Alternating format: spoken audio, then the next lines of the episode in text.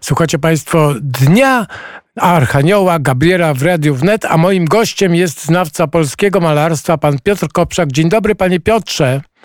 Dzień dobry, dzień dobry Państwu. No i co? Polacy, prawda, nie gęsi, mają swoje zwiastowania i to w dużej ilości. E, od kogo zaczniemy? Od no samostrzelnika? Cystersa? Albo może, a może od obrazu, który znajduje się w Muzeum Książąt Czartoryskich, yy, obrazu mistrza Jerzego, zwiastowania z 1517 roku. Oczywiście. Tak, to jest, no zresztą tych wczesnych obrazów moglibyśmy wymienić mnóstwo. W Muzeum Narodowym w Warszawie znajduje się też wspaniały obraz, wspaniały ołtarz z Kościoła Świętej Elżbiety we Wrocławiu, e, właśnie ze zwiastowaniem z, z, z jednorożcem. To wspaniale, bo była, było zwiastowanie z kotem, przed chwilą mówiliśmy o Lorenzo Lotto, no, a z jednorożcem. Tak, e, ale może e, mówiąc o aniołach, to Wspomnimy też o, o doktorze anielskim, czyli o świętym Tomaszu. No tak, no tak, no on y, y, usystematyzował wiedzę o, o aniołach, to y, ojciec y, y, Michał Mrozyk opowiadał troszkę o tym rano. A no właśnie, bo anioły jako istoty duchowe, one oczywiście właściwie wszystkie wielkie religie e, uznawały ich istnienie, e, a e, no, trzeba było je jakoś przedstawić w sztuce chrześcijańskiej. I ten sposób już nie, nie za bardzo pamiętamy, co oznaczają poszczególne elementy mm, stroju anioła i jego wyglądu. E, w, właśnie w XVII wieku istniało wiele traktatów, ponieważ XVII wiek był takim, taką epoką wielkiego kultu aniołów. W Polsce to się, to się przejawiało, zresztą nie tylko w Polsce, w całej Europie, e, w ogromnym wzroście kultu aniołów stróżów. E, i bractwa aniołów stróżów powstawały właściwie wszędzie. A, a takim wielkim, wielkim centrum kultu aniołów stróżów była e, o czym mało kto pamięta, być może teraz Jasna Góra. Także do, do Bractwa Aniołów Stróżów należał król Zygmunt III. E, I e, jeszcze, jeszcze w niektórych miejscach w Polsce, w, zwłaszcza w Wielkopolsce, niedawno te bractwa aniołów stróżów istniały i może, może nadal jeszcze, jeszcze gdzieś istnieją. Dowiemy się i, i powiemy słuchaczom oczywiście już e, wkrótce. Tak. Ale właśnie, bo chciałem tutaj wspomnieć o tym, e, że e, właśnie sam wygląd anioła odnosi się do jego duchowej istoty, do, do jego przymiotów, o których e, mówił święty Tomasz. I na przykład skrzydła oznaczają jego prędkość. I XVII-wieczni teologowie e, pisali właśnie, porównywali tę prędkość do, do najszybszych znanych im istot, oczywiście podkreślając, że prędkość anioła przemieszczania się z, z jednego miejsca w drugie dalece je przewyższa. A, a, a, z drugiej strony one to są w bezczasie w pewnym sensie, w związku z tym te, te, te nasze normy czasu to y, do końca do, do aniołów nie, y, nie stosują się przecież. No, no bo to właśnie no. święty Tomasz Zakwinu właśnie y, pisał o tym, że one są w wieczności, że one nie, nie ulegają tej, te, tym kleszczom czasu naszym. Tak, no i, i istniał problem, jak pokazać e, istoty tak doskonałe przy pomocy e, niedoskonałych środków ziemskich. Właśnie, stąd, stąd te wszystkie, a ponieważ y, istniała hierarchia anielska, także y, cherubimy i serafim, to, to, był, to było to naj, najwyższe piętro. one były przedstawiane właściwie jako takie czyste inteligencje, czyli te głowy y, otoczone skrzydłami. No, serafiny miały sześć skrzydeł.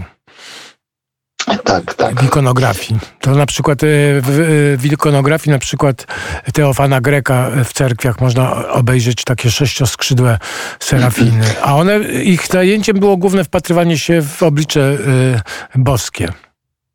No właśnie, więc w, w polskich kościołach te, te, te anioły wszędzie możemy znaleźć, ponieważ przedstawiano ich bardzo wiele. Może we współczesnych kościołach jest ich już, już mniej. E, natomiast w, w tych, jeżeli pojedziemy e, w, w, Polskę właśnie e, i będziemy odwiedzać kościoły wiejskie, tam tych przedstawień aniołów jest mnóstwo. Także no ja polecam jeszcze, ponieważ mówiliśmy tutaj w naszych spotkaniach w kalejdoskopie kulturalnym sobotnim o, o tych mistrzach wczesnego baroku. E, zachęcam do, do, do, do poszukania w internecie takiego małego obrazka przypisywanego Hermanowi Hanowi. Właśnie była pięknego, audycja o nim. Tak, e, pięknego zwiastowania z Kościoła Trójcy Świętej w Wielkim Buczku. E, to jest, to jest obraz właśnie, na którym anioł też jest we wspaniałej E, kapie e, takiej kapłańskiej. E, anioły bardzo często były przedstawiane w, w szatach kapłańskich. Oczywiście było to odniesienie do tej liturgii niebiańskiej, która jest sprawowana nieustannie w niebie, w, w tym samym czasie, kiedy na ziemi jest sprawowana liturgia ziemska. Głównym zajęciem aniołów jest oddawanie, oddawanie kultu Bogu i, i, i medytacja nad, nad jego doskonałością. E, no i tak, wprawianie w ruch sfer niebieskich, przynajmniej zgodnie z, z teologią. Właśnie, właśnie. E, natomiast e, istnieją jeszcze takie elementy stroju, które są trochę mniej oczywiste. Na przykład nie wiem, czy wie pan, co oznacza przepasanie anioła, czy pas w ogóle, który nosi anioł na swoim stroju. No proszę powiedzieć.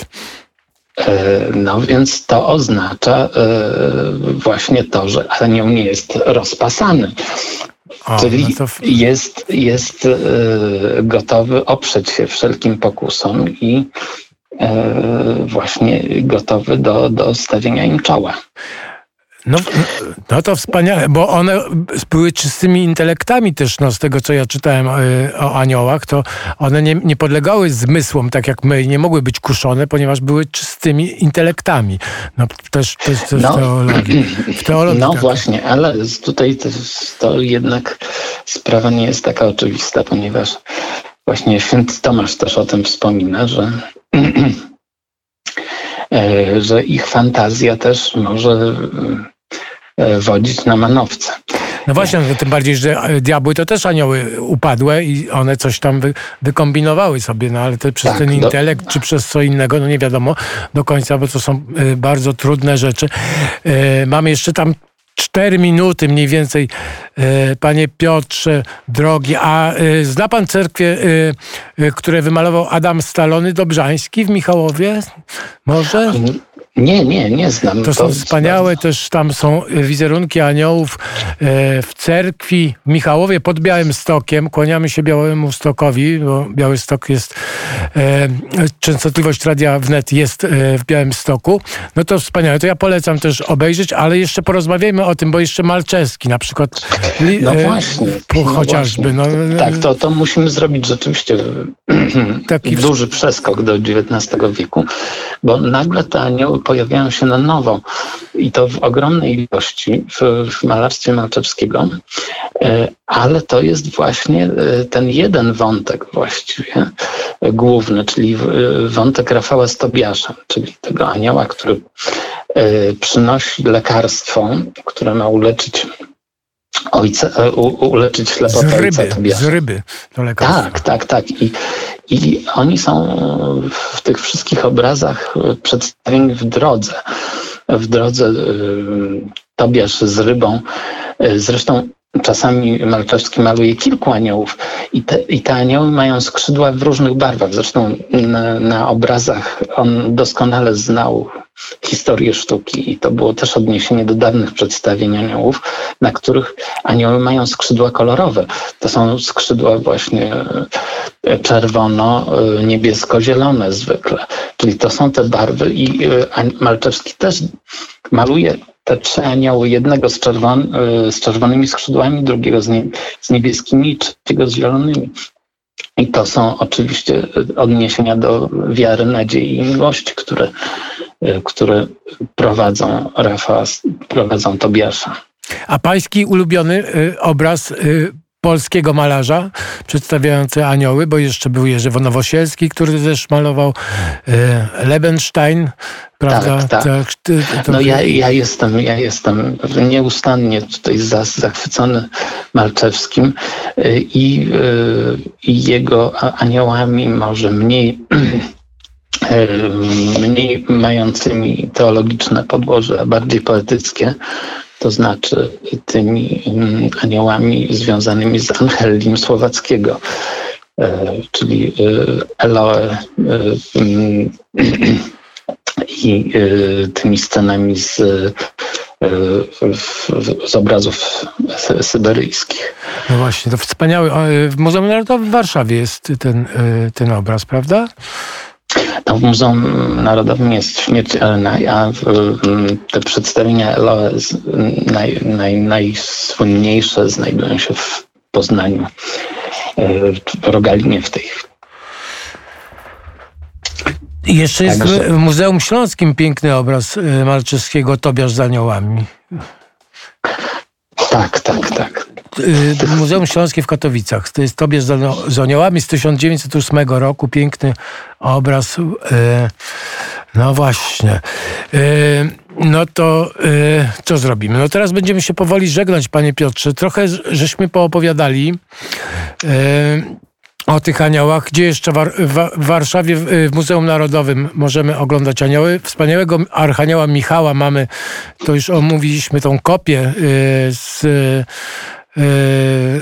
Guido Reniego, no to akurat troszkę yy, to Guido Reni to już tam tak bardzo Polakiem to nie, bo nie, może, yy, nie możemy go przypisywać do naszej nacji. A, a pa, panie Piotrze, jakby, jakiego by pan, gdzie by pan jeszcze polecił obejrzeć Anioła? To ostatnie pytanie będzie jeszcze w jakim kościele jakieś tak, przedstawienie. To jest no właśnie, to jest, to jest kościół, do którego sam mam zamiar się wybrać, bo, bo też już kilkanaście lat mnie nie było. Zresztą właśnie może powiedzmy jeszcze o tym, że, że, że XVII wiek to był ten okres, kiedy bardzo często mm, właśnie nadawano e, kościołom w Polsce e, wezwanie, zwiastowanie Najświętszej Marii Panny.